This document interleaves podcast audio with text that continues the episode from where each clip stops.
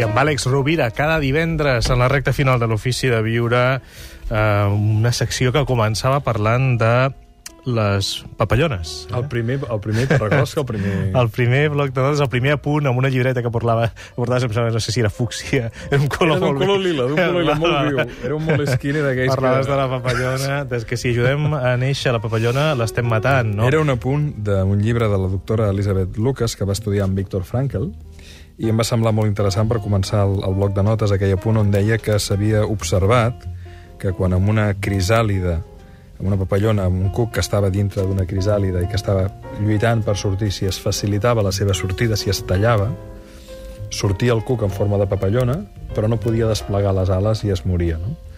Aleshores, el que, el que seria interessant seria lligar el que hem parlat de la primavera amb la crisàlida, perquè les papallones, evidentment, es manifesten a la primavera, és el moment del renaixement, i amb la crisi.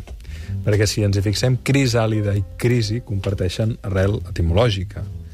És el, el moment de reneixer, és, la, és el moment de la transformació. També la Isabel i la Mònica ens han dit al llarg de tot el programa com en l'època de la primavera hi ha una energia que té un potencial d'expressió que si es troba amb, que hi ha uns certs bloquejos no resolts esdevé la malaltia, fins i tot l'astènia, no? I ha estat molt interessant l'aproximació que feien de dir de vegades el desànim, el decaïment, eh, ve perquè l'energia és molt forta però està bloquejada. No?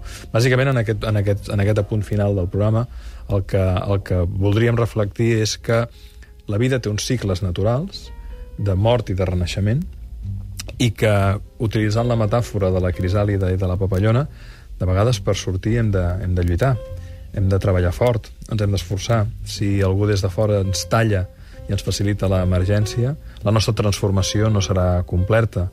Nosaltres hem de ser els que per nosaltres mateixos sembrem les nostres llavors, com dèiem abans, i amb el nostre, i amb el nostre coratge, amb la nostra força interior, tirem endavant i puguem sortir renovats. No? Finalment, una crisi és com un dol. El, la part final de la crisi no és una part dolorosa, és l'acceptació, com deia abans la Isabel, de la humilitat, i des d'aquí arriba la gratitud per tot allò que hem viscut i que ja no és, i per tant podem reneixer, podem un cop hem fet la nostra travessia del desert personal, podem reneixer amb una nova dimensió de consciència, podem fer com els arbres, treure un tronc molt més gruixut en poques setmanes i a partir d'aquí doncs, seguir tirant endavant en la vida. No? Penso que és bonica la, el paral·lelisme que hi ha entre la crisàlida, la crisi i la primavera i amb això volíem tancar el, el programa d'aquest dia d'avui.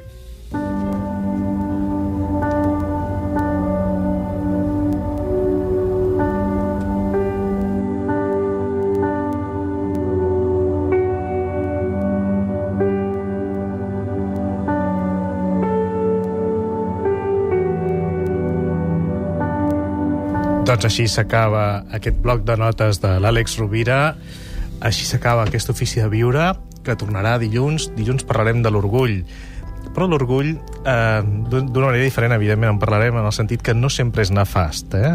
Una cosa és ser orgullós i convidats. una altra cosa és estar orgullós. És molt diferent, eh? En parlarem El dilluns. ser orgullós pot ser, pot ser desagradable, però l'estar orgullós és molt diferent. I ens Perquè acompanyarà implica el compliment d'una cosa. No? l'amic de l'Àlex Rovira, Joan Antoni Malé.